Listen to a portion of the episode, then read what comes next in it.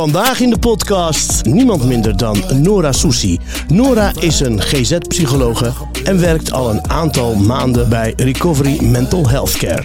Zij ontvangt mensen die een verslaving hebben, in herstel zitten, maar praat ook met familie. Wij kunnen haar alle vragen stellen. Hier is Nora Soussi.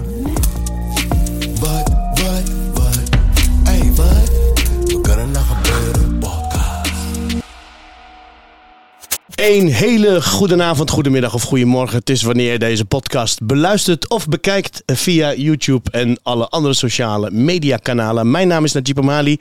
Tegenover mij zit Reda Saleh. Mijn partner in crime wilde ik zeggen, maar we zitten helemaal niet in de crime, hè? We zitten niet in de crime. Dit is de podcast Wat kan er nou gebeuren? Wij informeren, we motiveren en we inspireren. En we hebben een hele bijzondere gast, mag ik wel zeggen. Nora Soussi. Nora Soussi is GZ-psychologe, maar ook moeder. En in verwachting van een derde. Yes, En in blijverwachting. jazeker. En we zijn heel erg blij dat jij eh, eh, de kant van de psychologen wil vertellen. Want daar hebben eh, mensen die ja, verslaafd zijn of mensen in herstel ook veel mee te maken. Dus we zijn heel erg blij dat je er bent. Nogmaals, welkom. Dankjewel voor deze uitnodiging. Ja. Ja, graag gedaan. Voel je je goed? Ja, als eh, mijn weeën aanbreken, dan Ja. eh, geef ik wel een seintje. Geef een seintje. De uitzending gaat dan gewoon door, dames en Ja. heren. Maar dan Knippen we even het er zonder uit. Ja. Nora, eh, hartelijk welkom. Ehm, vertel eens, eh, eh, voordat je GZ-psychologe was, Ja. had je altijd al, eh, altijd al dit willen worden, zeg maar? Ik heb altijd wel iets willen doen met mensen helpen. En dat is begonnen met toch wel meer standaard beroepen in onze omgeving, zoals je dat meekrijgt. eh, arts worden of Ja. advocaat worden. En toen ging ik op, eh, op zoek naar wat paste bij mij. En toen ben ik op eh, snuffelstages geweest. En toen heb ik ook een psycholoog gesproken die in ons netwerk zat. En toen dacht ik, ja, dat is het. Dit Ja. is wat ik wil gaan doen. En toen heb ik dat pad uitgestippeld. Ja. Dus mensen helpen is zeker wel altijd iets geweest in de dienstverlening waarin ik mij eh, wilde scholen. En dat ben je nu al voor een aantal jaren. Ik was 22 toen ik afgestudeerd was. 22. Dus ik was er eh, Heel vroeg bij. heel vroeg bij. Ja. En ik was ook echt dat ik dacht, oké, nu moet ik mensen gaan vertellen hoe zij hun gedrag moeten beïnvloeden. Dus ik ben met kinderen begonnen. Oké, Dus ik kom uit, eh, voordat ik in de volwassen circuit terecht kwam, ben ik in de kind- en jeugdsector begonnen. En met name multiproblem gezinnen. oké. Dus eh daarin Wat zijn multiproblem gezinnen? Nou, gezinnen die eh grote steden vooral eh, en met heel veel uitdagingen te maken hebben. En ik vind multiproblem zeggen zo'n vakjargon, maar eigenlijk is het geen chique term om gezinnen aan te duiden die voor uitdagingen in het leven staan. Denk aan financiën, denk aan huisvesting, denk aan ouders met zelf psychische problemen, eh, verslavingsproblematiek, Ja. eh, criminaliteit. eh, maar denk ook aan ja, jongeren die gewoon niet weten hoe ze hun weg daarin moeten vinden. En het verkeerde pad op gaan. En En heeft het altijd te maken met een dysfunctioneel, eh, dysfunctionele familie? het hoeft niet, nee, want ik ben de mooiste gezinnen tegengekomen met de grootste uitdagingen waarvan Ja. ik denk, jeetje, hoe kan je die liefde en die warmte in dit gezin met elkaar behouden in deze omstandigheden? Eh, maar dat betekent niet dat ze een paar, eh, nou ja, paar punten, een paar stappen achterlopen op kansen die ze hebben om daaruit te komen. Als jij met zes kinderen in een driekamerappartement eh moet leven, dan is dat best wel een grote uitdaging voor iedereen. En dan doet dat echt wel een beroep op het functioneren in het gezin. Mhm. En dan kan je de beste intenties hebben, maar dan zit je soms te dicht bovenop elkaar. Dan vlucht je soms naar buiten. Dan vlucht je soms naar andere dingen om je rust te vinden. Dan lukt het niet altijd om te presteren op school, omdat je de concentratie niet hebt. En dan eh, moet je het echt uit je eigen veerkracht ook halen. En de ene lukt dat beter. En in één gezin kun- kunnen drie kinderen wel lukken en één niet. Ja, mooi voorbeeld trouwens. Ja, Heel mooi voorbeeld. Dus het kan gewoon een warm gezin zijn. Maar bijvoorbeeld door een ruimtegebrek kan het gewoon de andere kant op slaan. Ik heb mij één keer ingezet bij een gezin wat echt met ruimtegebrek zat. En er zaten twintig hulpverleners in. Eh, er was ook financiële problemen. Vader had ook alcoholproblemen. Maar één ding was wel, en ik kwam in de maand Ramadan toevallig in dat gezin. Er was eten, er was warmte, er was gezelligheid aan tafel. De kinderen vonden het echt leuk. Het was niet dat ze allemaal weg waren, maar er was niet voldoende ruimte om je rust te pakken, om even je terug te trekken als het even niet lekker liep. En we zaten met twintig hulpverleners in dat gezin om te praten over hoe kunnen we die kinderen weer naar school krijgen, hoe kunnen we ervoor zorgen dat de jongens niet op straat hangen. En ik zei, jongens, laten we dat huis, laten we al dat geld in het huis stoppen Ja. en kijken of we het wat gezelliger kunnen maken, wat mooier kunnen maken, een muurtje ergens kunnen. Dat is goedkoper dan wat we nu aan het doen zijn. Ja. Dus het gaat soms ook heel erg om, eh, ja, eigenlijk in de basisbehoeftes omdenken in plaats van in de problemen Mhm. verder gaan problematiseren. Maar geeft Dus, ze eh, daar ook gehoor aan? Eh, we hebben dat vanuit vrijwilligerswerk uiteindelijk voor elkaar gekregen. Ja. Dus niet vanuit gemeentelijke potjes, maar wel vanuit vrijwilligerswerk Ja. en in je netwerk. Maar het is wel out of the box denken en zoeken Mhm. naar oplossingen. Ik wilde zeggen dat je vertelt net dat verhaal van het gezin. Ik, ik herken me daar gewoon in. Ehm, wij eh, waren met z'n drieën toen thuis. De jongste was nog niet geboren. Maar de twee broers van mijn moeder woonden bij ons.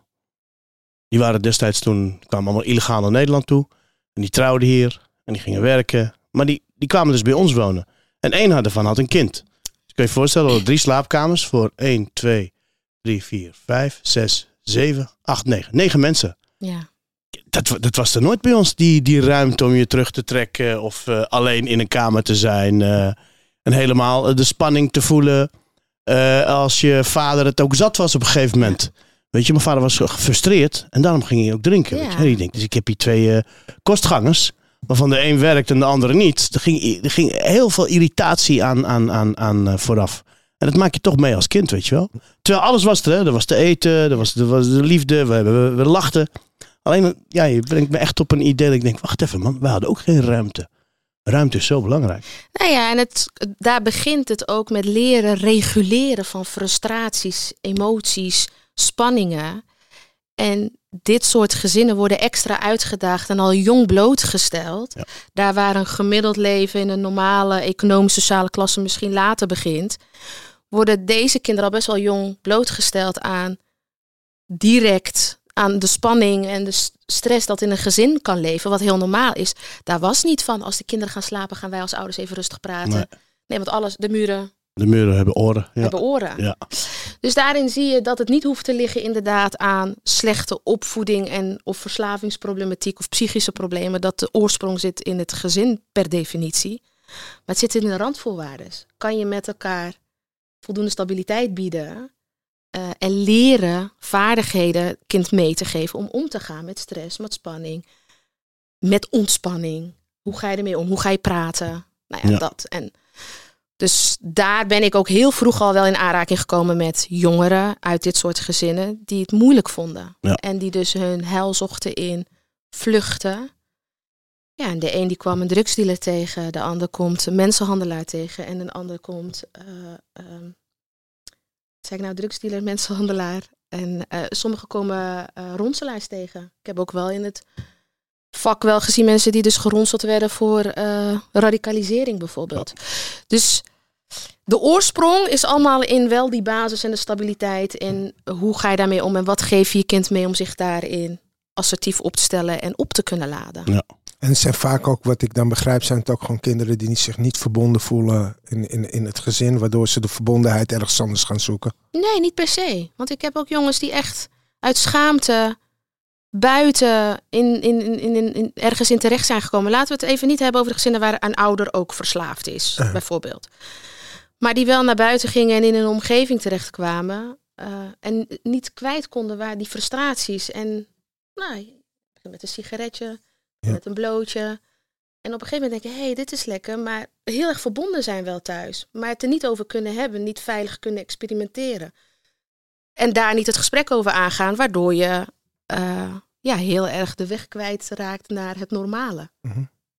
Dus niet per se dat ik denk, er moet ver- geen verbondenheid zijn. Nee, ik heb heel erg warme gezinnen gezien. En ik heb ook heel erg koude gezinnen gezien, los zand. Totaal geen idee hebben waar je kind uithangt. Eh, en beide kunnen leiden tot afdwalen. En is het dan bij beide, beide families eh, dat ze niet over gevoelens praten? Ik vind wel, dat, dat is wel een...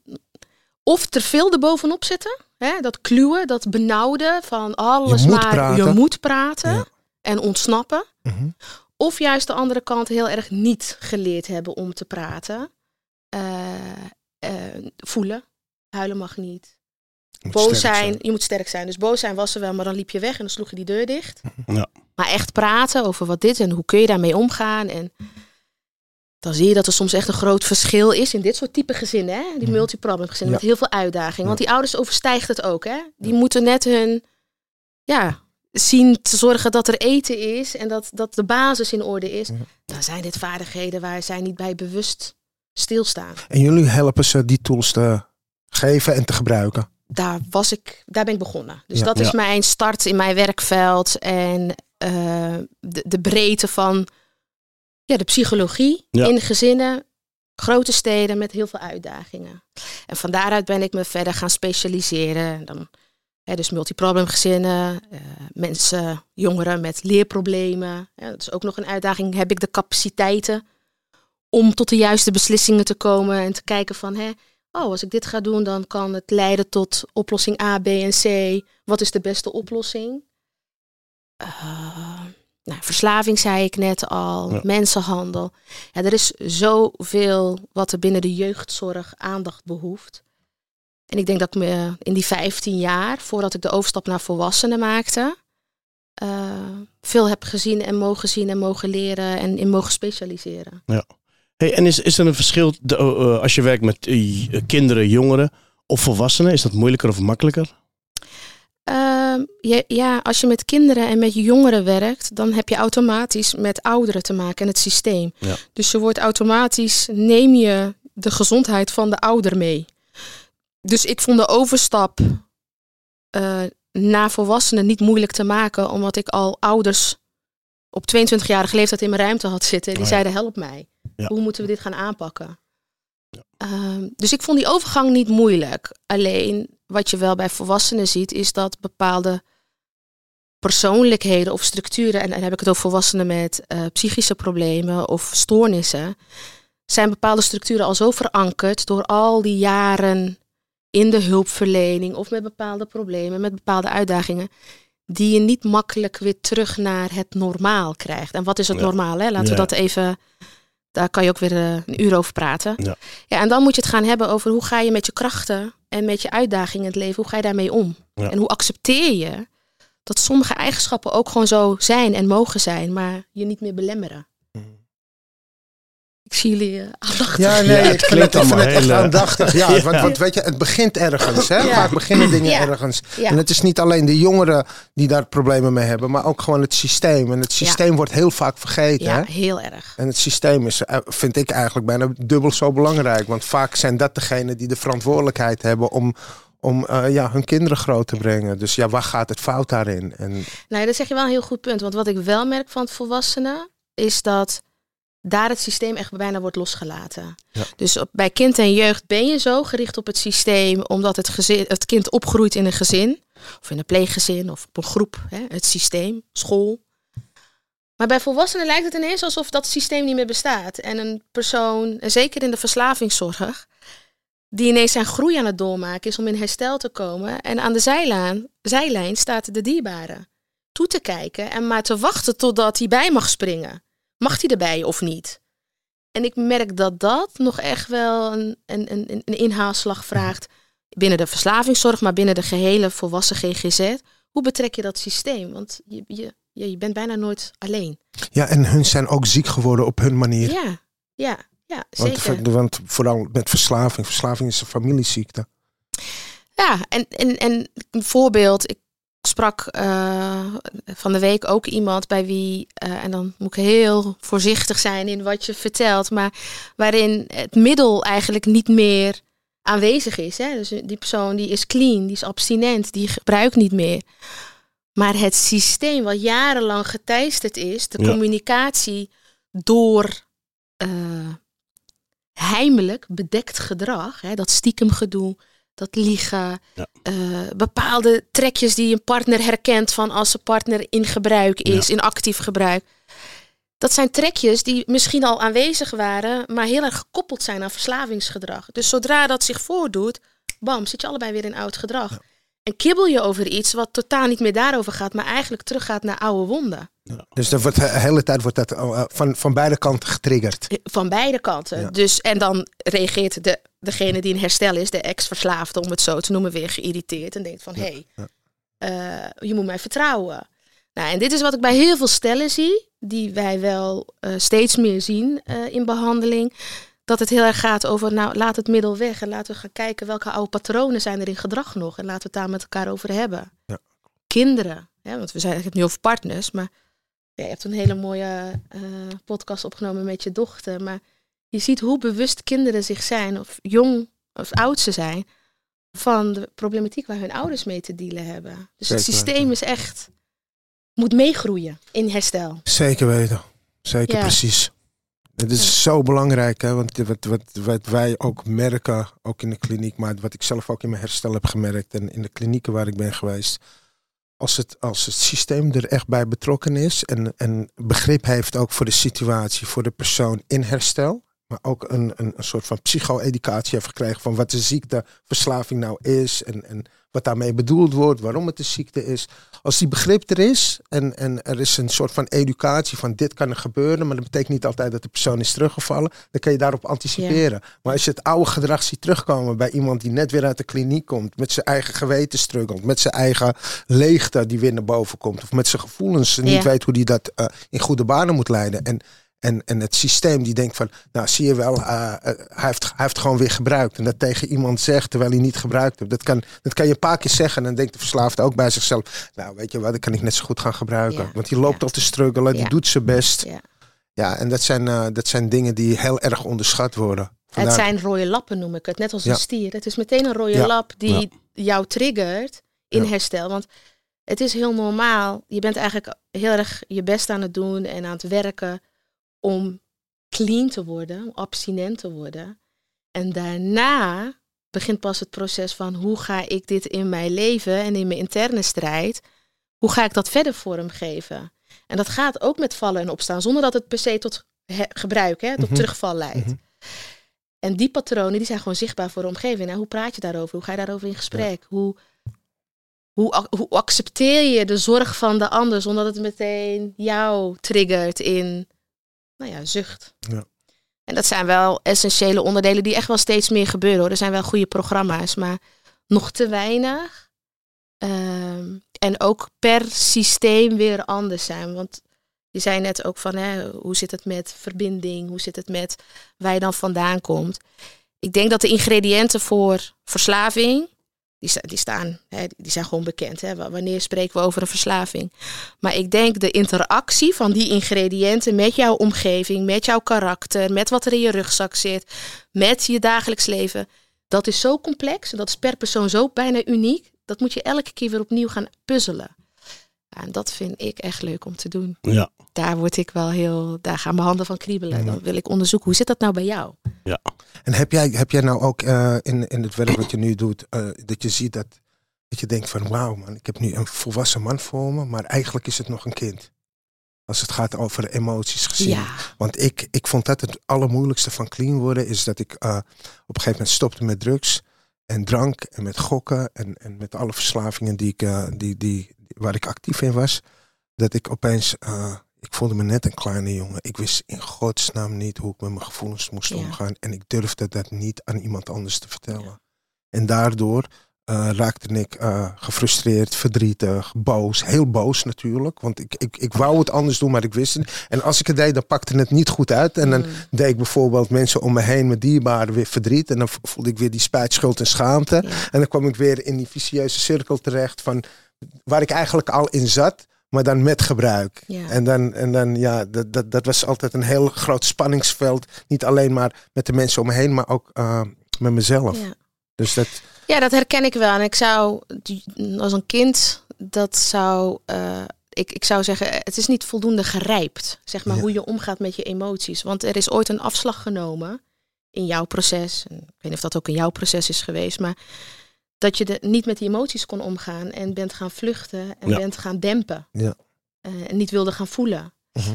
En nu kies je voor om dat middel uit je systeem, maar er was ooit een aanleiding om dat middel te gebruiken, recreatief. Maar hé, hey, daar zaten bijwerkingen bij die ook fijn waren, mooi meegenomen.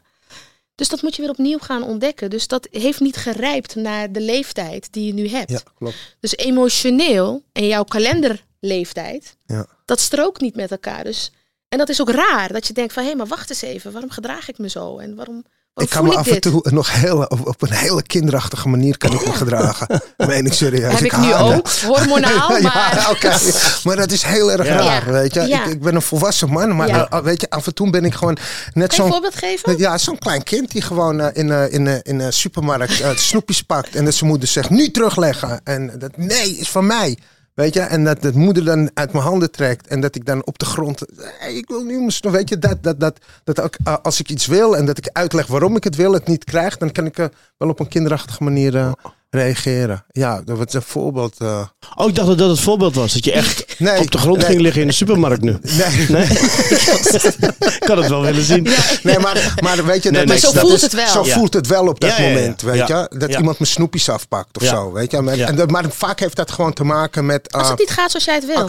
Dat bedoel ik, Als het gewoon niet acceptatie. ga- ja. Als het niet gaat zoals ik wil. Ja. Ik heb dat niet heel erg vaak, maar vroeger had ik het alleen maar. En dan had ik het niet...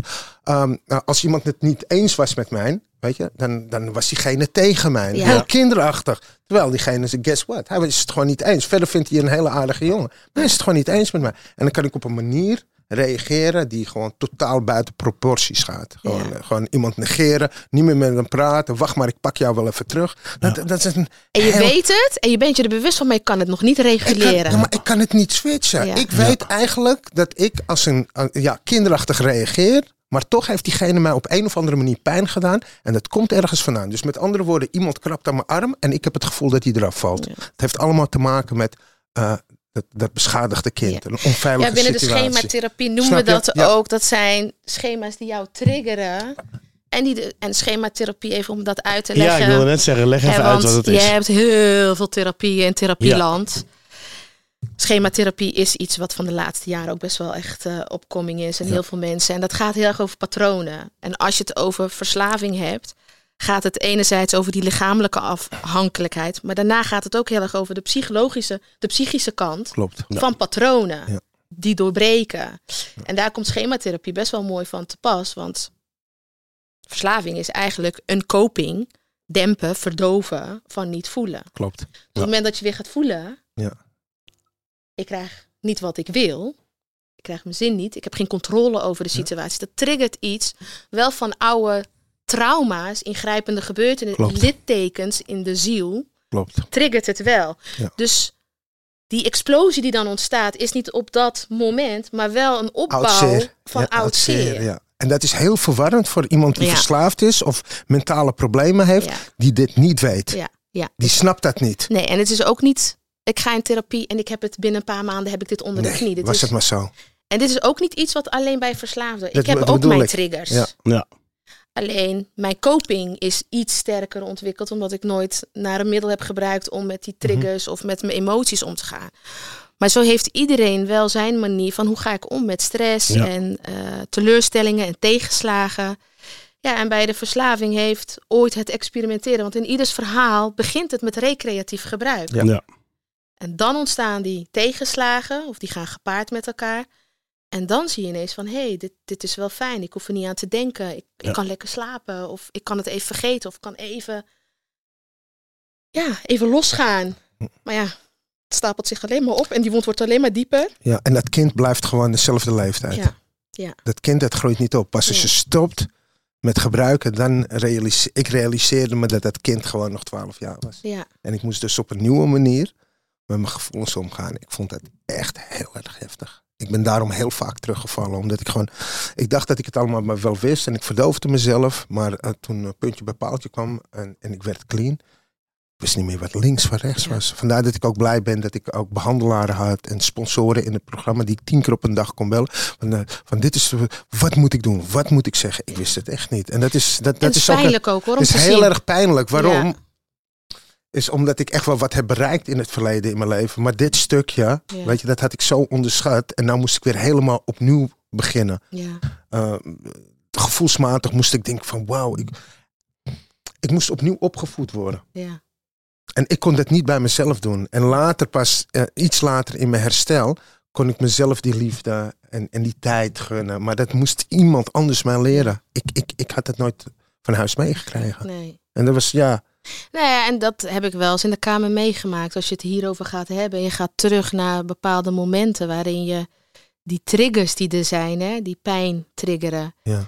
En een volwassen man breekt uit in tranen. En dat ik echt voel van ik wil je nu als kind bijna op mijn schoot nemen en troosten.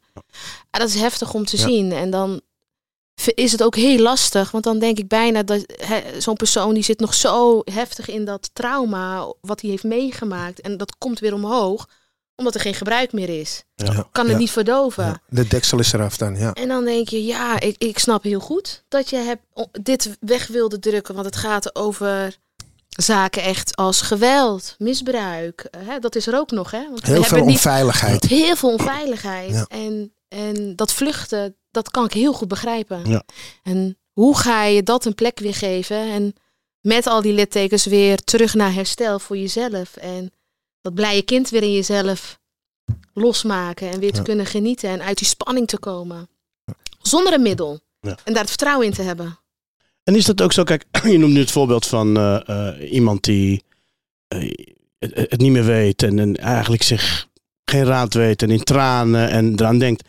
Maar zijn er ook mensen in, in, je, in jouw kamers geweest die gewoon helemaal dicht, jij komt daar niet doorheen wat je Ja. ook probeert? Mhm. Ja, Dat lijkt me heel moeilijk. Om, om, om, ja. om, is daar een techniek voor? Of, Ja, dat is een hele goeie. De, kijk, ik ben zelf. Je hebt verschillende types psychologen, hè? behandelaren. En Ja. dat is misschien leuk om daar ook nog zo bij stil te staan van wat matcht en wat. wat eh, dat, en ik ben de type die heel erg ook wel op het menselijke mens benadering. Hè? Dus Ja. we zijn eerst mens. Ja. We gaan daarover in gesprek. En ik heb in mijn rugzak gereedschap zitten waar ik dingen uithaal die matchen. Ja. Maar op het moment dat er een emotionele blokkade is, Ja.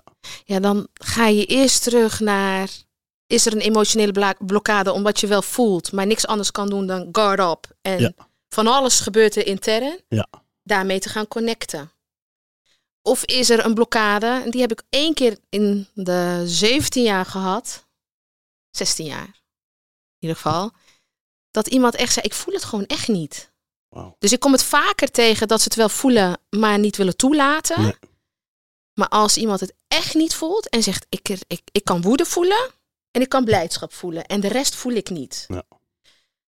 En van woede en van eh, agressieproblemen weten we vaak dat nou, 60 tot 70 procent pijn is wat daar nog achter Ja, zit. of onverwerkt verdriet. Dus woede is Ja. een manier om het te uiten. Maar eigenlijk zit er een laag onder en dat is. En als je dat niet kan voelen, als je daar niet bij kan, dan gaat het wel heel erg over hoe kan je weer connectie maken. Hoe kan je gaan registreren? Want dan is het zo losgekoppeld van elkaar, al op een jonge leeftijd. Ja. Verwaarlozing, eh, ook weer onveiligheid, dat het moest, omdat je anders omging. Hè? Dus het, ons lichaam, onze hersenen bedenken ook technieken om je te beschermen. Een soort overlevingsstrategie. Ja.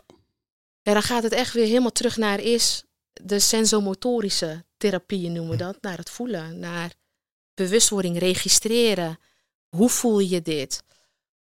Of er moet echt sprake zijn van een bepaalde stoornis, waardoor het moeilijk is om dat te registreren. Omdat die, bijvoorbeeld bij autisten gaat de hele informatieverwerking anders.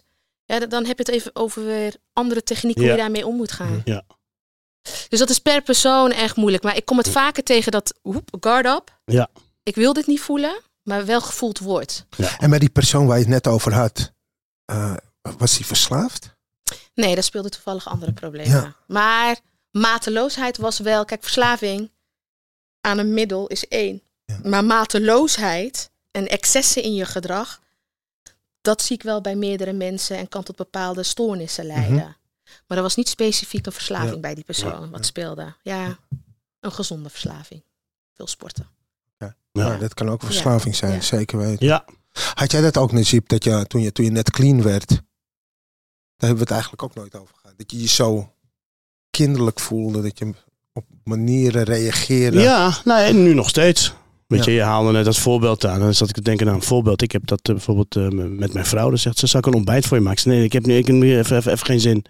Weet je, dus ik weet niet, dan heb ik heel veel stress aan mijn hoofd. En dan En dan ga ik zeggen later, ja, ja, ja, nie- niemand maakt ook wat van mij. En eh laat maar, weet je, ik, kinderachtig, ze vroeg het net nog. Ja. Het is, eh, weet je, en ik, ik merk dat, en ik, maar ik kan gelijk sorry zeggen. Dat duurt misschien even, maar gelijk. Ik heb het ook met mijn kinderen. Als ik eh, naar ze schreeuw of ik doe iets waarvan ik denk. Dit is niet goed. Dit komt uit het gedrag van, eh, dat heb ik met mijn oudste zoon, eh, Noah, die is negen. En ik kan nog wel eens, ja, gewoon als een kind, eh, weet je wel, zes keer moet ik zeggen, niet doen, niet doen. Dan ga ik mijn stem verheffen. Terwijl, weet je, dan, dan voel ik gewoon, ik, ik wil iets, ik wil niet dat hij dat doet. Maar dat kan ik ook op een andere manier eh, vertellen. Terwijl bij mij was het vroeger altijd dit of dit. Ja. Snap je? En dan merk ik gewoon dat ik karakter, ja, karakter, eh? Karaktergebrek. Ja, ja, want daar, dat is, ja, ik, ben, ik, ik kan clean zijn en in herstel zijn. Maar nu ben ik dus bezig om mijn karakter. Defecten, ja. Ja. ja, ja, En die defecten, Ja.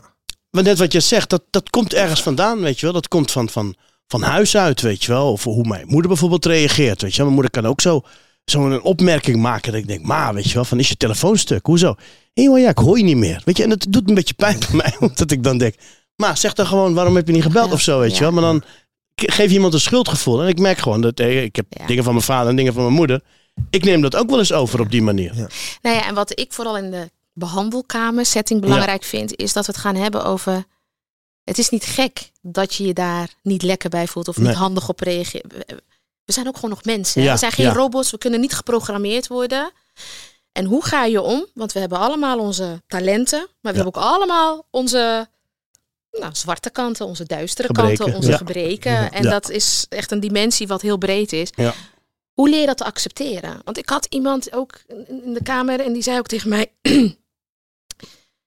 Ja, maar ik, ik, ik vind het zo vervelend dat ik altijd zo achterdochtig ben. Oh ja. Maar is dat iets wat later is ontstaan? Is dat iets wat in je karakter zit? Is dat iets wat vanuit het gezinsleven al, hè, een beetje van, Mhm. Kan je dat nog veranderen? Of moet je eigenlijk het herkennen als het optreedt? En het, er, het mag er zijn, maar dat je ervoor zorgt dat het je niet in de weg zit. Ja. Dus dan accepteer je wel een bepaalde eigenschap Ja. die bij je hoort. Maar dan ga je ermee om. Dus wat jij net ook zegt, hè, ik herken het wel. Ja. En ik kan het daarna ook. Het wordt, eh, ja, het We wordt moeten ook niet krampachtig doen. Nee. En we moeten ook onthouden wat is normaal. En ik denk dat die, die- dat grijze gebied tussen wat is normaal, wat is afwijkend en waar moet je aan werken. Hè, als we het even terug naar herstel eh, en verslaving hebben. Wat, is, wat valt er aan puin te ruimen? Dat het goed is om daarin ook steeds te onthouden wat is normaal. Ja, ik denk dat, dat het begint gewoon om eerlijk te zijn over je gevoelens. Gewoon puur wat jij net zegt. Ja. Hey, ik kom erachter en ik denk, hey, dit, dit is niet de manier waarop het eigenlijk hoort. En dan ga je excuses aanbieden. Maar vooral men- mensen die, ver- die, die, eh, ja, die problemen hebben met verslavingen en die worden clean, die zijn helemaal niet gewend om met een geweten om te gaan. Dus, eh, dus Ja. wat, wat, wat drugsgebruik en, en verslavingen met je doen, die, die- je, je gooit gewoon je geweten uit. Dus wat ga je doen? Ga je gewetenloze dingen doen. En als je op een gegeven moment stopt met gebruiken en je gaat nog steeds dat gedrag vertonen, dan ga je last van krijgen van je geweten. Vandaar dat mensen ook denken van, hé, hey, dit klopt niet, dit Ja. moet ik niet doen.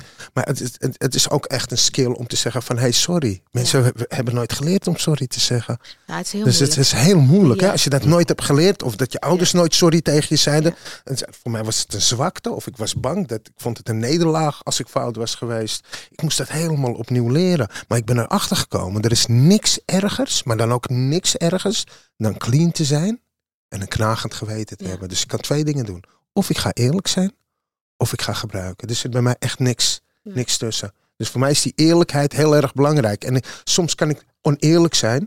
En dan, kan ik, dan denk ik, dan loop ik er drie dagen mee rond, maar dan ben ik drie dagen echt aan het lijden. Ja. En uiteindelijk denk ik, laat me maar toch gewoon toegeven dat ik fout ben geweest of mijn excuses ergens aanbieden. Want anders kom ik er gewoon niet aan. Ja, maar daarom is het dus heel erg belangrijk om je bewust te zijn dat abstinentie, nuchter zijn, clean zijn, dat is pas stap één. En dan begint het werk aan al dit soort oude patronen, oude gedragingen, om, om dat om te gaan buigen, te herprogrammeren, te resetten, Klopt. te voelen. klopt. Maar dat is, dat is een opgave. En nou ja, hè, in, de, in de twaalf stappen wordt daar mooi aandacht aan eh, besteed. In allerlei therapieën kan je... De... Dus er is voor iedereen echt wel een smaak die bij je past. Ja. Dat geloof ik wel. Maar ik denk dat het aan de beginfase heel goed is om goed te onderzoeken wat past er bij mij en in welke volgorde ga Ja. ik dit aanpakken. Want Ja. het is, nou ja, ik zeg vaak als ze bij mij op intake zijn geweest of we komen tot het behandelplan. dan hebben ze een soort einddoel. Oké, dan ga ik in behandeling en dan ben ik zes weken eruit. Of dan ben ik vijf weken onder de pannen. En dan ben ik er. Nee, Nee. dan begint het pas. Dan begint het. Dan hebben we het, de eerste stap is dan bereikt. En dan begint het pas. En Ja. dan ga je van alles voelen. En mensen die dan zeggen van wow, ik word overmeesterd. Ik weet niet wat met deze emoties moet. En oude trauma's die omhoog komen. Ja, en het mooiste van werken met volwassenen is wel eens dat je met elkaar daarover in gesprek kan gaan. En kan reflecteren en kan verbinden. En Ja. ieder zijn verhaal kan gaan maken Ja. van wat voor jou passend is. Want dit is goud wat je nu zegt. Dit is echt goud. Hier gaat het echt allemaal om. Voor mensen die clean willen worden, die denken van als ik clean word en ik haal de middel weg, dan gaat het goed met mij. En dat is de grootste illusie die ik mezelf ook Ja. heb toegeëigend, toe heb geëigend. Door te denken van ik stop met die middel en ik stop met gokken en dan ga ik me beter voelen. Een paar weken ga ik me goed voelen en dan in één keer komt het probleem naar boven. Dan ga ik me onrustig voelen, snel geïrriteerd, Ja. neerslachtig, heel erg angstig, heel erg angstig. En als ik daar, dat is dus eigenlijk waarom ik ben gaan gebruiken. Ja. En dat Alleen is dus, die koppeling maken, ja, dat is heel erg moeilijk. en dat kost tijd. En, en je hebt mensen om je heen nodig die tegen je zeggen van... hé, hey, dat had ik ook in het begin. Ja. En, ik, dit, en dat heb ik, er, eh, heb ik er tegenover gezet. Ja. Waardoor ik nu wel oké voel in, Ja. ja. in mijn vel. Maar dat, dat is het. Heel veel mensen denken van ik word clean en dan wordt het beter. Nee, in ieder geval bij mij niet. Het werd juist een stuk slechter. Pas toen ik de onderliggende problematiek, zoals jij dat net zei, die nieuwe kopingsmechanismen, Ja. eerlijk zijn, mijn trauma's aanpakken, schematherapie, stappen schrijven, naar meetings toe, mensen bellen, hulp vragen. Nou, dat is, dat is als, je dat, als ik dat zo mezelf uit mijn mond hoor, hoor zeggen, denk ik, nou, dat is, best hoop. wel is een Dat is hoop. veel, hoor. Dat Is het hoop. Ja. Maar het is, het is een hoop als je het niet doet. Dat is nog het, Ja. het, het, het, het, het paradoxale ervan. Ja. Het is juist een hoop als je het niet. Als je het, laat ik het zo zeggen.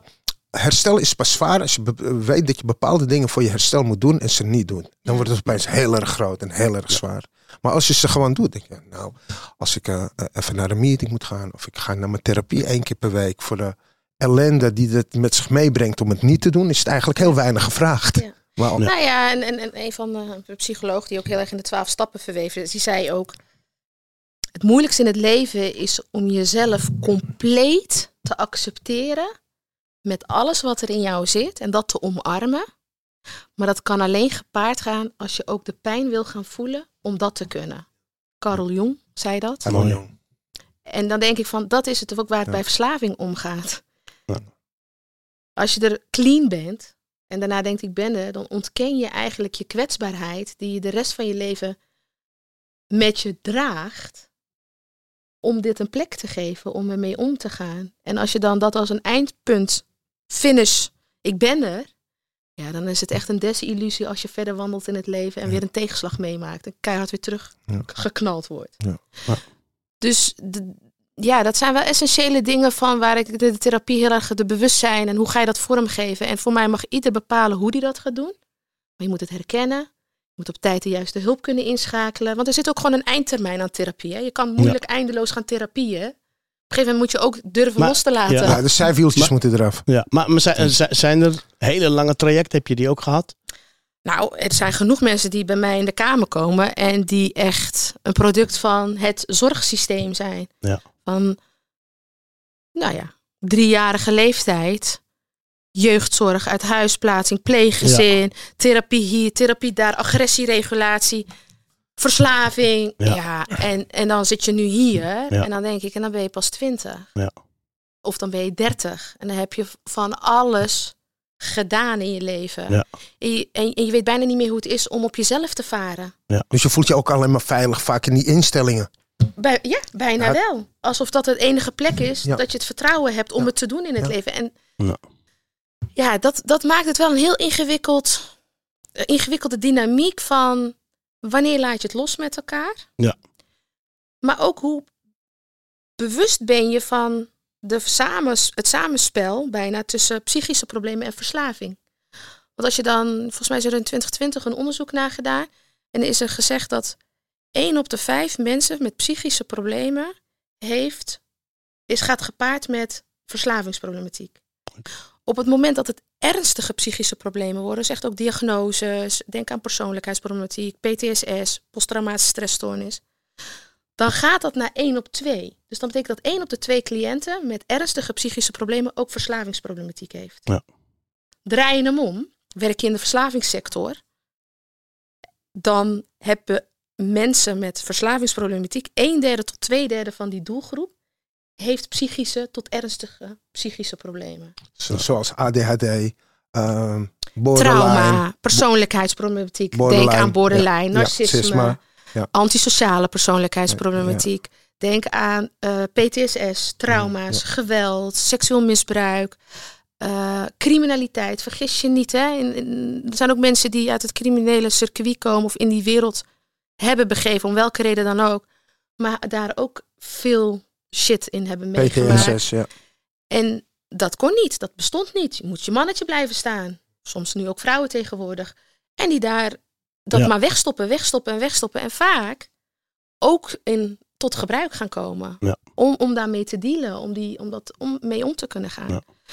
Dus eh, hoe dan ook, en dat is het, de crux in dit hele systeem van hulpverlenen, is of je nu in de GGZ werkt of je werkt in de verslavingszorg. Die twee zijn bijna onlosmakelijk verbonden. Maar er is weinig zorg in Nederland zo ingericht dat je beide goed langdurig kan helpen. Ja.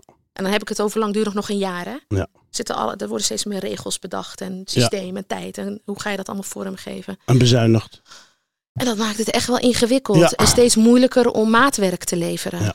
Want er zijn heel weinig klinieken, klinische klinieken die di- dubbele diagnoses Ja. doen. Ja. Heel weinig, Ja. zijn er eh, echt maar een paar. Ik, zou, ik durf niet zeggen hoeveel Nee, te zijn, maar er maar zijn er niet veel. Je kan ze op één hand ik krijg wel steeds vaak... Ja, ik mag niet mijn behandeling in, want mijn verslaving zit in de weg. Oké. Maar ja, dan komen ze bij ons of in een andere verslavingskliniek en daar gaat de deur dicht.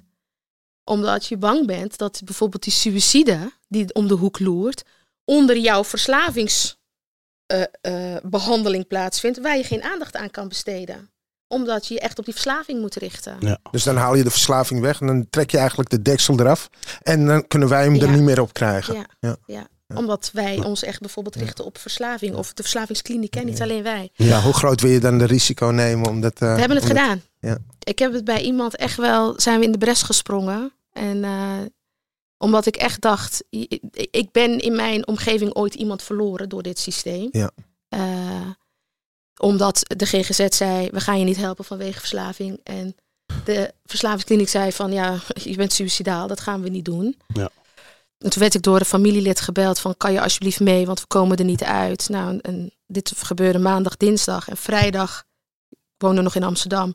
Reed ik naar mijn woonplaats of naar mijn oude woonplaats om te helpen. En toen was hij al voor de trein gesprongen. Jezus. Dus dit zijn voor mij wel triggers, Mhm. waardoor ik bij deze persoon die ik nu een, eh, nou, nog niet eens een half jaar geleden heb gezien, precies hetzelfde weer zag gebeuren. Maar echt Ja. wel zag, deze persoon is niet suicidaal. Deze persoon zit in ontwenningsverschijnselen van als hij stopt met Ja. gebruik. En die komt in slaapproblemen. Die gaat niet slapen, die draait door. Ja. Dus als we het herstel kunnen activeren en die, dat gebruik eraf kunnen halen. En dan goed met elkaar met die depressieve gevoelens en de samenwerking opzoeken. Nou, dan komen we er wel. Dus soms moet je ook risico's durven nemen, maar dat heel goed Ja. eh, met elkaar afstemmen en verantwoordelijkheid innemen. En dat doe je gewoon met een heel team eigenlijk. Dat doe je met beste, een ja. team, maar ook met het team buiten je eigen team om. Met de huisarts, lokaal, in de woonplaats, eh, de familie, het systeem. Ja. Nou, Zodat je meerdere invalshoeken hebt. ja. Ja. en vangnet. Ja. Zodat het ook gaat slagen. Ja. Nou, als ik hem nu nog steeds tegenkom, hij is echt dankbaar en hij Mooi. glimlacht. En, en, en hij heeft deze kans nooit gehad. In de afgelopen 15 jaar, als ik het goed zeg, dat hij verslaafd is. Ja. Dus Prachtig. dat, dat zijn wel echt dingen dat ik denk, oh ja, soms... Maar dan moet je wel goed af. Het kan niet bij iedereen, want Nee. het zal je maar wel gebeuren. Ja. Dus er zijn ook echt wel risico's met GGZ en die dubbele diagnoses met verslaving. Ja, en waar we mee begonnen. Dit zijn voor mij wel echt mijn drijfveren Ja. om een vak te beoefenen en eh, daarmee aan de slag te gaan. Mooi hoor. Ja, Mooi hoe je daar zo eh, ja, vol met passie over praat. En eh, dat. En dat eh, ja, je, je, je- merkt gewoon, weet je wel, wat, wat, wat wij doen als ervaringsdeskundigen, is ook anderen helpen, weet je wel. Maar jij zit dan toch niet aan de verslavingskant, omdat je natuurlijk, neem ik aan, nooit verslaafd bent Nee. geweest. na suikers, maar Nou, suikers, ja. dus ik maar- enigszins. Ja. maar voor de mensen die nu kijken en die denken van, hè, want ik, ik dacht ook vroeger psychiater. Ik ben niet gek. Hè? Ja. Mhm. Het komt ook een beetje uit de, uit, uit de cultuur waar ik vandaan kwam.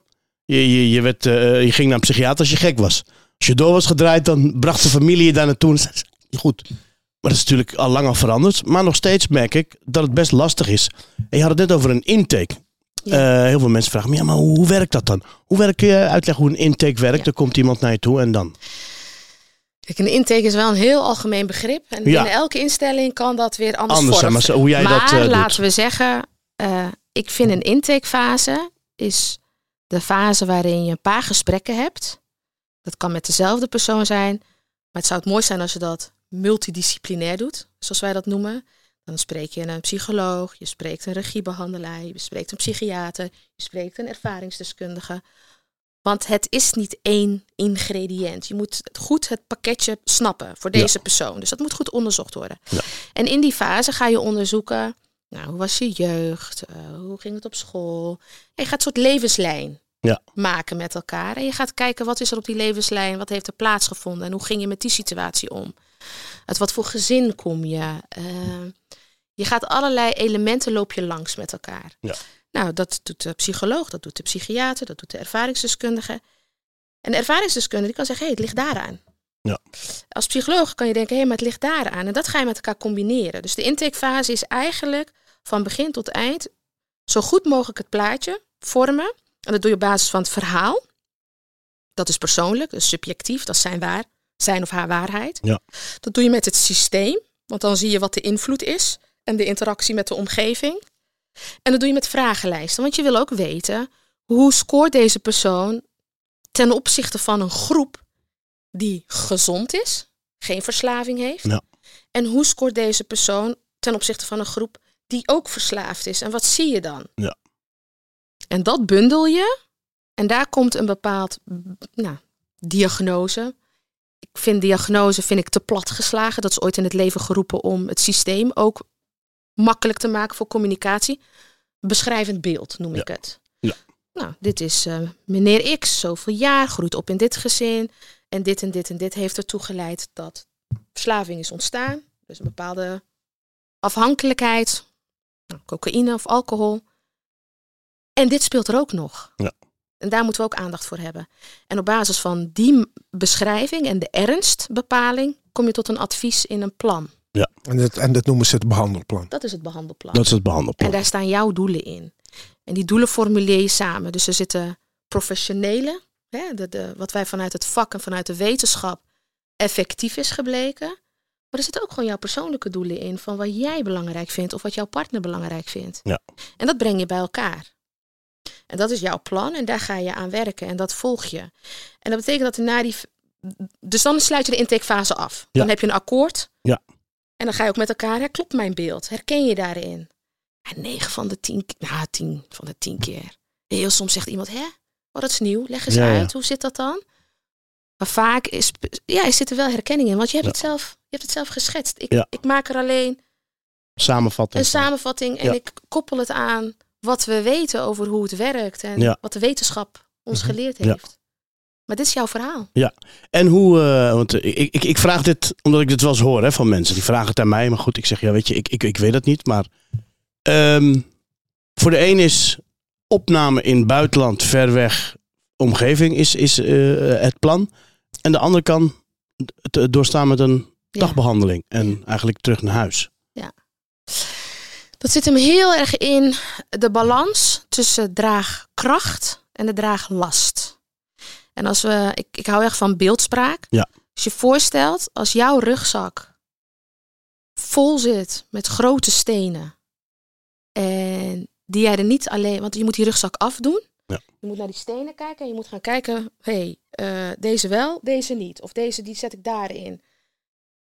Dan moet je wel in staat zijn om ook nog eens die rugzak af te zetten en daarna te kunnen kijken. Nou, Als je dat al niet kan, dan betekent het dat het weinig draagkracht in jezelf zit en de last te groot is geworden. Ja.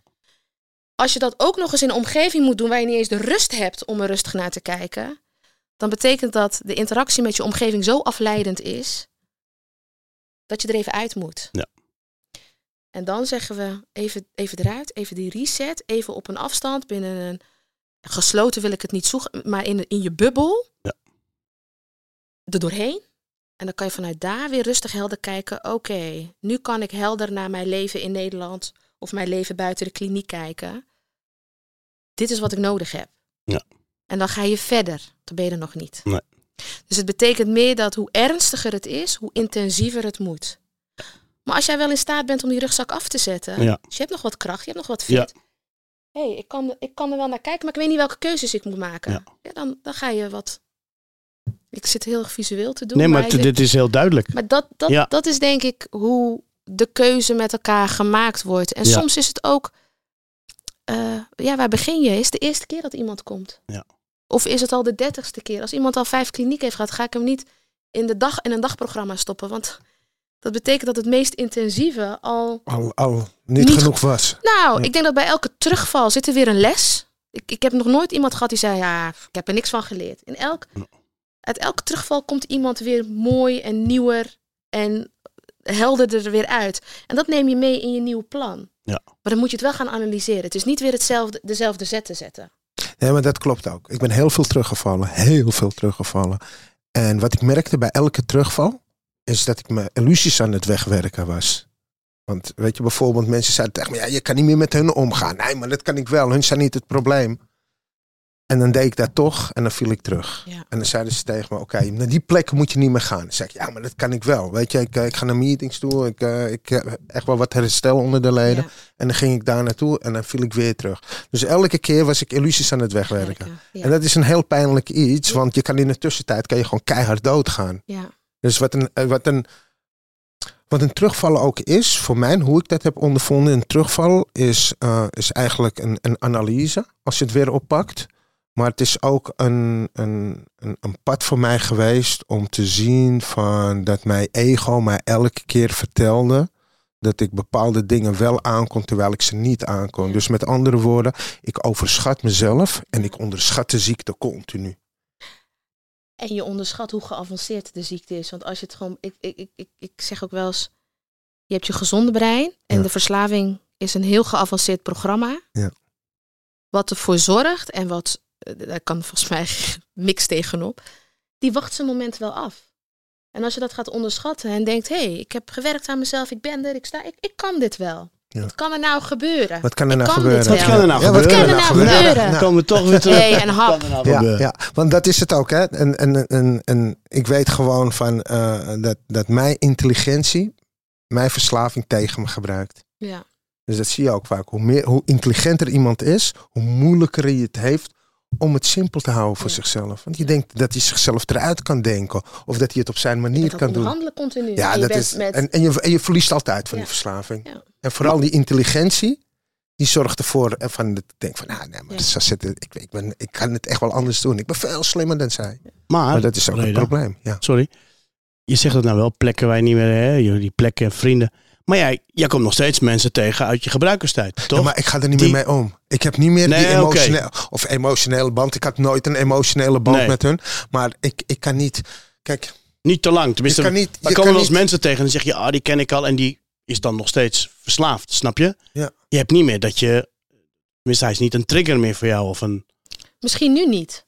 Nee, maar eh, het is heel simpel. Als, eh, weet je, als je lang genoeg bij de kapper blijft zitten, word je geknipt. Ik moet, gewoon niet, ik moet gewoon niet naar die kapper toe gaan. Ja. Waar ik weet waar ze zitten. Ja. Het is heel simpel. Ik moet me niet zelf afvragen waarom ik elke keer mezelf eh, brand. Terwijl ik elke keer eh, de mensen opzoek om met ze in de hel te gaan dansen. nou ja. Dat moet ik helemaal niet willen. Nee. En het moment dat je dat doorkrijgt van hey, dat is gewoon voor mij een onveilige situatie. Daar ga ik getriggerd worden. Want ik weet gewoon, voor mezelf weet ik, als ik met een bepa- bepaalde mensen zou omgaan, elke dag, ja. die nog aan het gebruiken zijn of die in de criminaliteit zitten, kun je de klok erop gelijk zetten. En dan kun je wel tien jaar clean zijn, maar uiteindelijk, ik, Ja. ik praat alleen voor mezelf, ja. val ik gewoon terug. Ja, en daar moet je dus elke keer voor jezelf de afweging maken. Ik ben nu zo ver. Wat, wat heb ik bereikt? Wat zijn mijn triggers nog? Ja. Welk risico wil ik nemen om te gaan onderzoeken? Ja. Is het risico mij waard om dat te gaan onderzoeken? Want Ja. het is geen keiharde wetenschap van... als ik dit en dit en dit geleerd heb, dan kan ik het wel. Nee. Dat is de meest vraag, gestelde vraag. Maar betekent dat ik nooit meer mag drinken? Ja. Ik kan dat voor jou niet bepalen. Nee. Het enige wat ik weet is dat als jij zo lang clean bent en alles in je leven zo ingericht hebt dat jij accepteert dat het een levenslang herstel is, dan is er, zijn er op dat moment voor jou ankermomenten te bepalen. Is het het risico mij waard of niet? Maar dat is zo mooi wat je nu zegt. Want de meeste verslaafden hoor je als een kliniek uitkomen. Zeggen ze, ja nee, maar ik ga daar wel naartoe, want ik wil mezelf testen. Ja. Ja, ja. Die gaan naar een bar toe omdat Ja. ze zeggen, nee, maar ik wil mezelf gewoon testen. Ja. En 9 van de 10 keer gaat het helemaal fout. Ja. Ja, maar dat zit hem dus ook in die acceptatie. Ja. Kan je accepteren dat verslaving, wanneer dat beheerst is, toch een levenslange kwetsbaarheid is? Ja. Hm. En hoe, hoe, wat is jouw pad en hoeveel heb jij daarvoor nodig om tot die acceptatie te komen? Ja, je hoeft maar één ding te veranderen, zeggen ze. En dat is alles. Ja. Ja. Ik vond dat, het was voor mij nog ineens meer de drugs. Dat, ik had het gisteren met jou er ook over. Ja. Weet je, dat je denkt van, ja, wie zijn je vrienden eigenlijk? Ja. Als je op een gegeven moment, als je een, een, een wegstapt van verslaving. Ik, ik vond het een heel eenzaam pad, vond Ja. ik dat. Want ik moest, Ja. zoveel mensen kon ik gewoon niet zien. En dat had helemaal niks met hen te maken. Ja. En dat moest ik ze hun ook gaan uitleggen. Sorry, maar ik kan niet meer met jou omgaan. En het heeft niks met jou te maken. Mensen waren daar echt niet blij mee. Die voelden zich heel erg eh, eh, weggezet door mij. Maar het is mijn zwakte, omdat ik met diegene gewoon twintig jaar heb lopen feesten. En als ik diegene zie, dan krijg ik gewoon zin om te snuiven. Ja, dan ga ik mezelf niet meer in zo'n positie zetten dat ik ja, eh, kan Ja. terugvallen. Ja. Dus het is niet alleen maar de drugs, het is ook de hele lifestyle eromheen. Ja. Ja. Ik, ben, ik, ik merkte ook, ik weet niet hoe het met jou zat, eh, Najib, eh, en, en of jij dat ook hebt gehoord in, in behandeling. Ik was verslaafd aan chaos. Toen ik mijn dingen had opgelost, zei mijn hoofd tegen me, hey, hier klopt iets niet. Ja. Toen het goed ging, Ja. dacht ik, hey, dit dat voelt ken je niet. Dat ken ik Nee. niet. Nee. Dus Dat- voelt, dat dus- oplossen. Altijd drama. Altijd drama. Altijd drama. Ik moet altijd wat oplossen. Ik was echt een soort, ik had een soort van oplosservice continu bij me. Ik Ja. altijd wel, ene probleem is opgelost. En nu merk ik, en dat is het, wat jij net heel mooi schetst ook, eh, Nora, is als je stopt met verslaving, is, de, is dat brein, dat kan nog zo, moet nog zo lang herstellen. En dat is, weet je, ik zeg altijd, je kan niet, je hebt 30 jaar in een bos rondgelopen, je kan niet verwachten dat je er binnen drie maanden uitloopt. Het is onmogelijk. Dus ik betrap mezelf af en toe dat, ik, eh, dat, ik, dat, dat mijn brein nog steeds eh, eh, problemen zoekt. Het is alsof ik continu iets moet oplossen. Heel raar is dat. En, en, en, en wat dat met zich meebrengt, is dat ik toch wel onrust kan Ja. aantikken. Het gebeurt niet heel vaak, maar ik ben me er wel, wel bewust van. Als het even niks aan de hand is, denk ik van... Hoe lang? Er is niks aan de hand. Ja. Er is niks aan de nou? hand, maar ik moet wat oplossen. Ja. dus mijn hoofd gaat problemen zoeken. Ja. Oh, zie je nou, dit is niet goed. Oh, dat kan beter. Dus dat is weer dat, die mateloosheid. Hè? Ja. Het is, ze, ziek- ze zeggen Ja. het ook, het is een ziekte van ondankbaarheid. Ja, en, en het is... Hoe lang ben je verslaafd geweest? Ik ben begonnen op mijn, op mijn elfde. Ik ben, ik ben nu echt- 47. Ja, elfde was meteen vol gas bij mij. Ik zat aan mijn dertiende zat ik aan, aan een crackpijp. Dus, Weet je? Dus, dus jij kent geen leven in de afgelopen drie jaar, hè? Drie, vier, Vier, jaar? vier, vier, Vier. Jaar, vier, vier Vier. jaar en een paar maanden. Ja. op dat totaal, Maar- waarin je moet rijpen, je hersenen, de beschadiging, laten we het daar ook, hè, wat, Ja. wat de impact is van druk. Daarin heb je jezelf de rust niet gegund om dingen eigen te maken. Of daarmee om, dus die spanning en continu die chaos en stress, Ja. Ja. dat is continu aanwezig geweest, Ja. al die tijd. Ja. En zelfs in de afgelopen vier jaar, zonder middel, want je was bezig met herstel. Ja. Dus het is niet gek dat je nu in die, dat je daar af en toe nog tegenaan loopt, of Ja. dat gevoel nog hebt, of dat dat Ja. opkomt. En dat accepteren en omarmen en daar weer een weg in zien te vinden, dat is levenslang herstel. Ja, en dat is dus wel, wat ik wel geleerd heb. Godzijdank. Ik, ben, ik zie het altijd als we het over metaforen hebben. Ik ben gestopt met fietsen, maar ik ben nog steeds aan het uitrollen. Ja, Ik zie- ja, Mooi. ja mooi. Echt waar. Ja. Ehm, Nora, ehm, kijk, wij, wij zijn het eigenlijk eh, de, de, podcast gaan doen, omdat we op een gegeven moment dachten. eh, we, hebben het, eh, we komen uit een cultuur waar het enorm taboe is, sowieso om over je gevoel te praten en, en eh, sowieso te praten. Het is nu iets minder als in mijn tijd. Hè. Maar nog steeds, er rust een enorme taboe op op verslaving. Weet je wel, het liefst binnenskamers houden. Het is een ziekte. Het is ook een ziekte. Maar het komt ergens vandaan. Eh, Vertel het niet verder. Weet je wel. We- Shoma. Hashuma, vooral dat, weet je wat is Hashuma? Wat zullen anderen er wel niet van denken? Maar ondertussen gaan de gezinnen kapot. Ja, We hebben mensen bij ons gehad, of bij, bij, bij, bij een meeting die we zijn, weet je, dan komt er een Marokkaanse vader. Weet je, die is dan zo blij dat, ze- dat, dat zijn zoon eindelijk die stap heeft gezet. Je ziet gewoon aan die man dat hij gewoon zoveel heeft geleden. Hè. Het zijn kind natuurlijk ook, Ja. maar ook de, de, de ouders. En daarom deden we dit, weet je wel. Daarom zijn we het ook begonnen om er gewoon over te kunnen praten. Vanuit alle hoeken. Dus ook vanuit, vanuit, vanuit eh, jouw kant, hè, de, de mensen die jij krijgt in de kamers. Merk jij dat eh, een, een, een verschil is, een cultureel verschil, als we het Ja. hebben over verslaving? Ja. Dat eenzame is universeel. Ja. Dat herkent iedereen.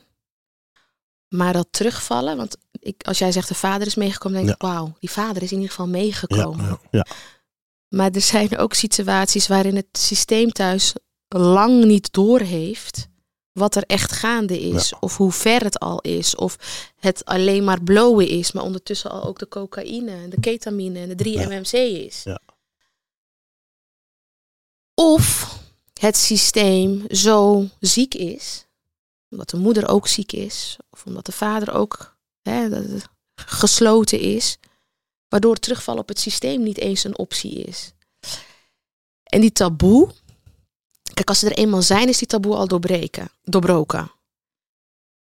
Maar die taboe die heerst er echt al in grote cijfers op heel veel. Want als je kijkt naar de cijfers die er zijn, worden die cijfers geschat omdat ze de mensen die de verslavingsproblemen hebben niet allemaal in beeld hebben. Nee. Dus de cijfers van, volgens mij is het nu bijna 2 miljoen mensen. 1,7 miljoen geregistreerden. En als je, als je dan de ongeregistreerde meepakt, dan kom je op 2,5 miljoen, zeggen ze. En dan wat daarvan behandeling zoekt, Ja. dat is zo'n te kleine groep voor zo'n grote groep 70.000. met problemen. Ja, dat ik denk, oké, er zit dus in Nederland, Ja. maar dit zal universeel wel zo zijn, zit er een te grote gat. En dan speelt er binnen onze cultuur eh, ook nog eens een probleem van, hoe ga ik om hulp vragen? Ja. Want ik heb dit niet geleerd. Hm. Of eh, het wordt niet geaccepteerd. Of ik ga mijn ouders geen pijn doen. Ik wil want dat is eh, collectivistische culturen. In elke stap die je maakt, hou je ook nog eens rekening met wat dit voor de ander betekent. Dus zeggen dat ik verslavingsproblemen heb, is belast worden met het verdriet van mijn moeder of van mijn vader Ja. of van mijn partner. Heel mooi. En dat kan ik niet dragen. Want die emoties die wil ik niet voelen, want daarvoor ben ik verslaafd. Ja. Dus ze zitten in, in een dilemma wat echt ingewikkeld is. En dan heb ik het nog niet eens over je religieuze. Want Ja. daar hebben we het nog niet eens over gehad. Nee. Als je binnen de Marokkaanse, de Turkse, de gelovige cult, hè, kant, Ja. sector of eh, gemeenschap. Die zit ook nog eens met schaamte in relatie tot zijn geloof. Tot de schepper, ja. En dat maakt het best wel ingewikkeld. Hey, ben, eh, wat is nou mijn schaamte naar thuis? Dus wat is cultuur? Wat is gezin? Wat is mijn religie? En wat is mijn ziekte? En zie je dan dat ook dat heel veel van die jongeren dan in een soort van dubbele Ja, cultuur. ja meerdere. Ja, eh, cultuur Alsof ze eh, continu- hoe zeg je dat? Een cultuur. ehm, Crisis, identiteitscrisis. Identiteitscrisis. Dat ze, laat ik het zo zeggen, dat ze gevangen zitten tussen twee culturen. Je leert bijna meerdere. eh, Je hebt niet een multipersoonlijkheidsproblematiek. Maar het is niet gek dat binnen zeker onze cultuur. Is het 1 op 4 of 1 op 5? Ook echt persoonlijkheids, hè, schizofrenie, psychoses. Want dat shiften steeds Ja. hè, is niet de, leid, de, hè, de oorzaak, maar speelt zeker een rol in omdat je het zo gescheiden houdt van elkaar. Ja. En ik zie wel een verschil tussen eh, gezinnen bij wie ouders meekomen en heel mooi hè, een moeder. En dan heb ik het gewoon over de autochtone Nederlandse gezinnen. En ik wil gewoon dat mijn zoon zich goed voelt en dit en dat gesprek. Of een vader die meekomt en eigenlijk weinig zegt Ja. en schaamt dat hij daar zit met zijn zoon. Of een moeder die meekomt en alleen maar kan huilen. En die zegt, wat moet er van hem terechtkomen? Dus de lijdensdruk van de ouder drukt veel meer, of van de familie, drukt veel meer op het proces waar jij mee aan de bak, aan de slag moet. Ja, want ze geven zichzelf de schuld. Ja, Ze geven zichzelf de schuld. Ja. Ze weten vaak nog ineens dat het een ziekte ja, is. ja. dat Verslaving, is ook nog eens. verslaving is gewoon Ja. een ziekte. Ja. En dat weten ze niet. Ze denken echt dat ze in het verleden misstappen hebben gemaakt, waardoor Ja. hun kind de verkeerde keuzes Ja. heeft genomen. En, en daarover praten doen ze het ook niet. Dus, dus je blijft eigenlijk blijf je ergens boven hangen en niemand weet welke kant die op Ja. gaat. Ja, en dat het, hè, dus kijk, behandeling bestaat uit een stukje kennis, dus inzicht geven, psycho-educatie geven. Hm. Het bestaat uit een stukje skills leren, vaardigheden, hoe ga ik hiermee om. Maar het bestaat ook uit attitude, hoe kijk ik hiernaar en hoe kijkt mijn omgeving hiernaar. Ja. En dat stukje, daarin heb je dus binnen de Marokkaanse eh, doelgroep nog heel veel taboes te doorbreken. En dan Ja. heb ik het nog niet eens gehad over gender, man, vrouw. Ja. Heel veel meiden. Ja. Als ik, wie kom ik daar tegen? Ja. Wie gaat mij zien? Ja. Durf ik daar wel naartoe te gaan? Ja. Want stel dat ik een vriend van mijn broer tegenkom, wat dan? Ja.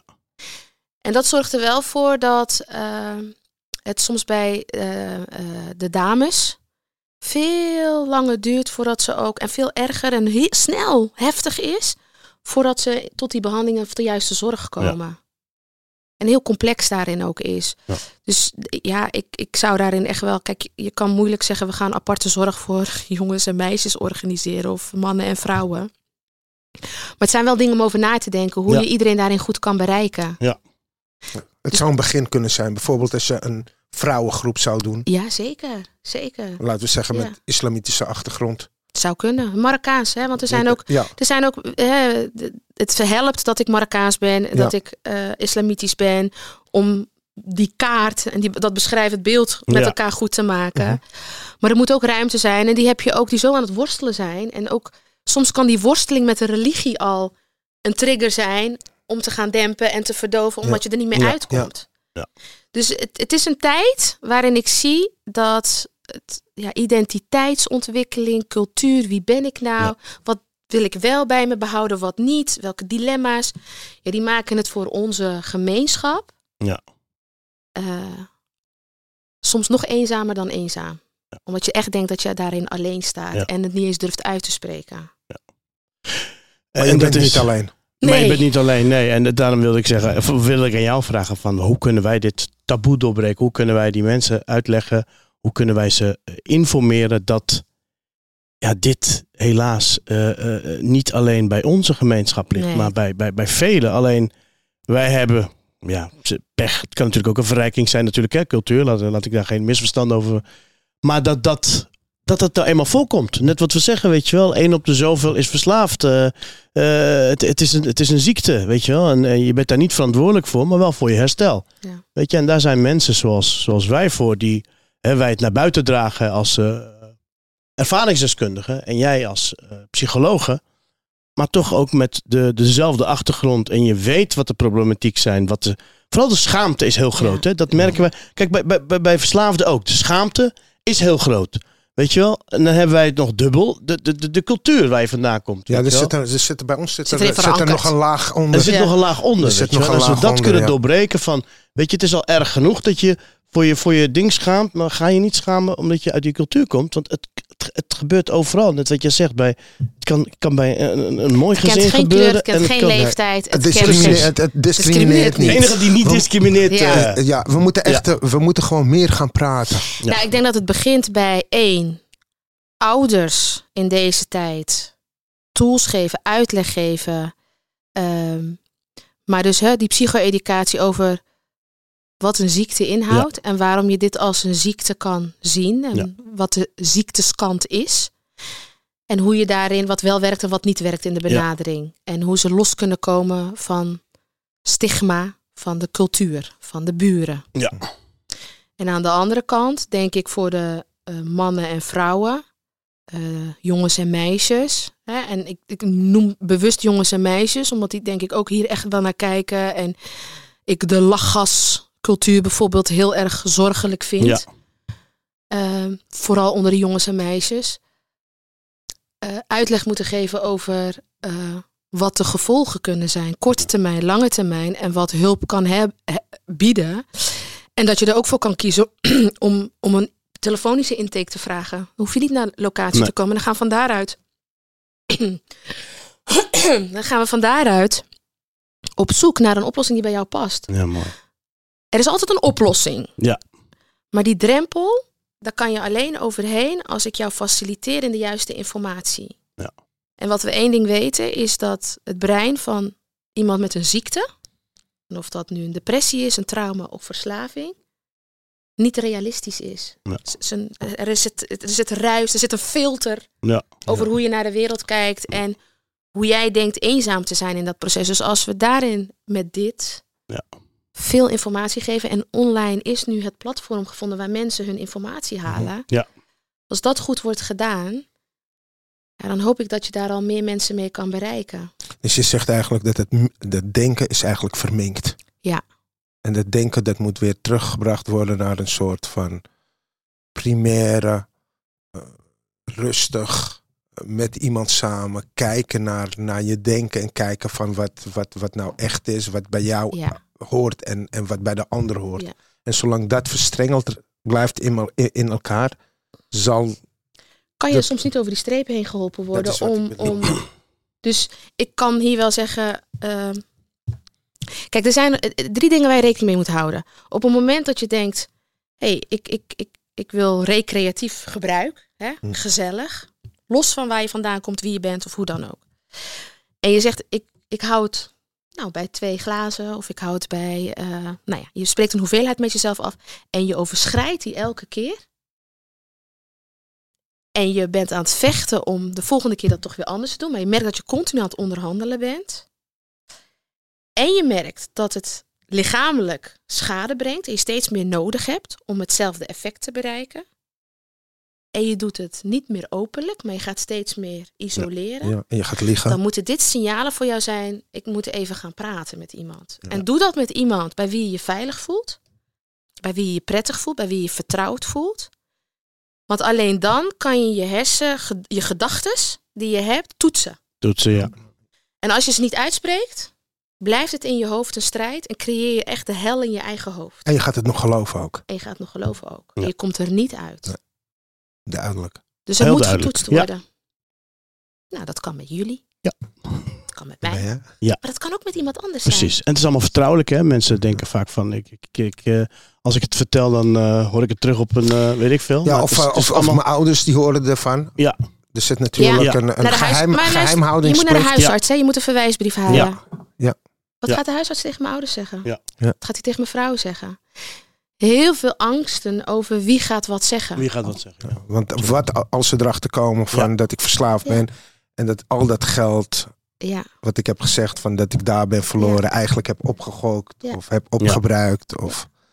Ja, dus er zitten ook heel veel geheimen. Bij een verslaafde Ja. zitten heel veel geheimen. En dat Ja. is de eerste angst die eigenlijk bij iemand binnenkomt als hij hulp gaat vragen. Oh, straks komen ze daarachter. Dat, Ja. en, nee, ik doe het toch maar niet. Ja. Maar ondertussen, nou ik laatst iemand die echt, echt last had van zijn angsten. ja. Die heb ik echt, want ik, je schrijft.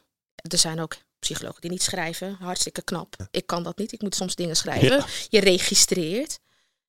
Maar die was echt bezig met wat schrijf je op en, en wie Oh. mag dat lezen en, en ik- waarom stel je deze vraag? En ja. Dus dan leg ik heel veel uit. Lees maar mee. Dit is wat ik opschrijf. Kijk, ik schrijf jouw naam niet op, dus dit is niet te herleiden. Kijk, een week later, dit is het verslag wat ik in het systeem heb gezet. Wil je even meekijken? Dus bij mensen die heel erg achterdochtig Ja. en angstig Ja. zijn, probeer ik heel veel gerust te stellen. En als er iets staat waarvan zeg je, ja, maar ik heb dat weggezegd, maar ik wil niet. Wie gaat dit lezen? Wie... Dan haal ik het weg. Want het maakt mij niet uit wat er in het systeem staat. Ja. Het systeem is bedacht om uitleg te kunnen geven over de kwaliteit die je. Maar als daarmee angst wordt getriggerd, dan schrijf Ja. ik het op op een manier die voor ons beiden werkt. Ja. Als bij ons maar wel duidelijk is wat het verhaal is en waar er aan gewerkt moet worden. Mhm. Ja. Ja, en zo probeer je voor iedereen. Mooi hoor. Mooi om, eh, om dit zo te weten. Gewoon En een- ook om uit zo uit te leggen andere- aan, Uit een andere invalshoek uit een andere invalshoek. Ja. Van iemand echt in het veld. Ja. Ja. We doen het samen. Ja, ja. Ja. Jij wilde nog wat vragen aan Ja, ons, ik Nora. wilde ook Ja. iets aan jullie vragen. want eh, ik, ik, hè, ik, ik, ik ben maar een psycholoog. Ik ben geen ervaringsdeskundige. En hè, wetenschappelijke benadering. Ik geloof heel erg in de match die je hebt Ja. met je behandelaar. Eh 70% is ook de match die je hebt. En 30% is de techniek die je inzet. Dus ik investeer heel erg in de relatie. Ja. Maar ik was heel erg benieuwd naar jullie ervaringen na, met psychologen, met behandelaren. En dan niet de ervaringsdeskundigen. Ik heb het echt over vanuit de wetenschap. Ja. Wat daarin voor jou echt werkend was. Wat daarin voor jou eh, de trigger was om ja, tot gedragsverandering of mindsetverandering of attitudeverandering te komen. Ja, Begin Bij mij, ja, laat ik beginnen. Ik heb niet zoveel gehad. Eh, de match. Maar echt de match, het menselijke aan, aan hem. Eh, ja, één keer in Den Haag gehad, maar bij mij waren het meer mannen. Eh, ik voelde me begrepen. Ik voelde me begrepen. ik, ik, ik was blij dat ik mijn verhaal aan hem kon vertellen zonder beoordeeld te worden. Ehm, hoe meer ik vertelde, hoe meer ik het idee had dat hij mij begreep en ook achter me stond. En sommige dingen eh, ook tegen mij zei van ja, nee, maar dat, dat, dat kan. Weet je, dan had ik het over. eh, weet je, ja, ik. eh, moedercomplex. ja, ik, ik wil helemaal niet naar mijn moeder toe elke zondag. Maar hoe vertel ik haar dat dan? Ja, maar je kan haar toch op die manier, weet je, op een, op een bijna natuurlijke manier vertellen hoe ik dingen op kon lossen. Weet je wel? En heb je hier wel eens over nagedacht. Dus met me meedenkend. Maar dat was echt een match. Want er was ook een keer een niet-match. Ja, die ging mij vertellen hoe het, hoe het werkte. Het systeem werkte in je hoofd. En elke keer met een uitleg. En dan kwam hij weer met, kijk, het zit hier. Ja, weet je, het is het hele technische. hele technische verhaal. Ook, ook, ja, wat moet ik zeggen? De kamer waar ik in zat, weet je wel. Het, het, het, ik, ik, ik kon niet emotioneel los, eh, eh, losgaan, wilde ik zeggen. Losgaan bij die man. ik, kon, ik kon niet. Er was een blokkade. Er was een natuurlijke. Ja. En dan kwam ik de vorige keer weer en dan was het eigenlijk weer hetzelfde. Hetzelfde gevoel, er was niks veranderd. Terwijl ik. Heb je Juist- aangegeven? Nee. Ik was nog niet zo ver dat ik het aan kon geven. Stom, hè? Ja. Nou ja, hij, had ook de, eh, hij Ja. of zij had ook de vraag kunnen stellen. Ook, ja. Na drie, vier keer. Ja, nee. Dat, is- volgens mij is het vier, vijf keer geweest. Toen ben ik ook Oh, eh, ja. niet gekomen. En eh, toen heb ik gezegd van het werkt niet. En weer een terugval gehad. Maar, dus de, de, de, het, het menselijke dat je ziet dat iemand gewoon echt geïnteresseerd is in jou. Ik heb er ook eentje gehad die zei. mhm. Mhm. Dat leren we in de opleiding, hè? Die echt dit. Mhm. Mhm. Dacht ik, is hij nou, is hij, heeft hij zijn ogen echt dicht? Hij had echt zijn ogen dicht, ja. En eh ben ik ook twee keer geweest. Ehm, We hebben twee keer nog wel goed ja, ja, ja, ja. Maar bij diegene de, waar, ik, waar ik een soort van... ver- ver- je, je weet niet, soms heb je toch een gevoel bij iemand. Denk je, ja. Ja. fijn. En dan stelt hij je de juiste vraag. En dan kun je echt alles eruit gooien. Dingen die je eigenlijk ja, nog nooit hebt verteld. Dan denk je, eh, voelt echt dit hè. Opluchting. Dat hij zegt, oké, hey, eh, we gaan. En ik denk, wat? Zijn we al zo ver? Zijn we al 45 minuten verder? En dan ja, moet ik eruit. Want ja, hij heeft nog meer mensen. Ja. Weet je wel? Vond je dat, Dat- vervelend? Dat is iets wat ik merk dat ik Ehm. dat best wel vervelend soms vind. Want je agenda zit. Ja, eh, vervelend aan de ene kant van, ik, ik had nog wat willen vertellen. Maar blij dat ik, dat ik dit kan vertellen. En dat ik denk van, hé, hey, maar ik eh, zie je volgende keer weer. Dus die maken me een afspraak. En dan was ik echt blij om een afspraak te maken. Terwijl ik ook heb gehad dat, eh, dat, dat ik ja, echt voor ze wegliep. Ze zei van, nou weet je wat, anders als het niet trekt, dan kom ik wel bij je thuis. Dat ik alleen maar loog van, ja. Ja. nee, ik heb al drie dagen niet gebruikt. Ik denk, nou, je moest eens weten, ik ben al twee dagen wakker. Misschien zag je dat ook wel, of niet. Dus, ehm, dus als jij aan mij vraagt, eh, hoe, hoe is dat? Het is echt het, het, het, het- de match die je met iemand hebt, die jou het vertrouwen geeft en echt naar je luistert. En je, en je met, met, ja, hoe moet ik dat zeggen? Hij mag je natuurlijk niet eh, vertellen hoe het leven in elkaar zit, maar geef je wel dingen om na te denken, weet je wel? Hou het niet te zakelijk. Nee, niet te zakelijk. Ja, Ja, dat, dat- is het. Ja, Dat, dat is, Ja. hè, je komt uit Ja. je schoolbanken. ja, En, en je gaat je wegvormen Ja. in, in het veld als behandelaar. Ja. En durf los te komen van de protocollen, ja. maar die wel te blijven verbinden. Ja. Dat is wat ik je hoor zeggen. Heel mooi. Mooi samengevat. Dus dat is even voor de mede, Ja. mede, medebehandelaren die Ja. misschien Luisteren luisteren. jullie? Kijken jullie allemaal mee? Heel goed. En- En voor jou? Ja, de- kijk, ik heb, ik heb zoveel behandelaren gehad, maar dan ook zoveel. En, En eh, binnen en internationaal ook? internationaal ook. Ehm, wat, ik zat net naar Najib te luisteren en toen jij hem vroeg van heb je dat aangegeven? Dat vond ik wel een, een ja, iets, iets. Als ik dat in het begin had gedaan, dan had ik mezelf heel veel pijn en verdriet en moeite eh, Bespaard. bespaard. Zeker weten. Je hebt er Eh, ook schade aan geleden? ik heb er heel veel schade aan geleden. Ja. Ik heb mezelf gewoon door, door mijn ego, door mijn ego en me niet open te stellen en werkelijk te vertellen van wat er aan de hand was. De ontkenning was bij mij zo groot dat ik mijn tekortkomingen, mijn onzekerheden, mijn boosheid op iemand anders eh, projecteerde. Dus ik had heel veel behandelaren die gewoon precies de zere punt aantikten. En ja, dan, dan was, ik, was ik er gewoon klaar mee. Dan dacht ik dat iemand mij werkelijk pijn wou doen. Maar diegene die liet mij dan op dat moment zien van hey, hier ligt jouw pijn. En zolang jij elke keer wegkijkt bij die pijn, zal jij blijven gebruiken. Dus ik moest mijn ego aan de kant zetten. Ik moest me openstellen, wat ik heel erg moeilijk vond. Ik moest iets aannemen van iemand anders. Ik dacht dat ik alle antwoorden in, ja, in pacht had. Dus eh, ik heb ook echt geleerd dat die openheid van geest eh, zo belangrijk is. Want dat, dat zie ik daar als een soort van open parachute. Weet je? En als ik een gesloten geest heb, dan knal ik gewoon Mhm. ja, met, eh, met, met 300 kilometer weer tegen de vlakte. Ehm, ik moest mijn arrogantie moest ik aan de kant zetten. En mijn arrogantie zat er meer in zo van... jij bent niet verslaafd, dus jij kan mij niet helpen. Mhm.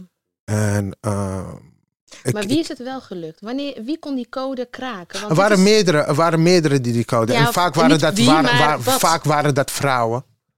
Weet je, want ik had eh, natuurlijk ook de, de nodige eh, eh, spanningen met mijn moeder vaak. Weet je, en... en is een vrouw in Zuid-Afrika die dat gelukt, he- gelukt is. En, en ook een, een behandelaar in, dat is de laatste keer. En ik ben echt fan van die man. En wat maakte en- het? Want jij zegt, ik moest, dit is wat jij moest doen. Ja, Maar je moest wel daarin geholpen of gefaciliteerd worden. Dat Ja. was een stukje confrontatie. Ja.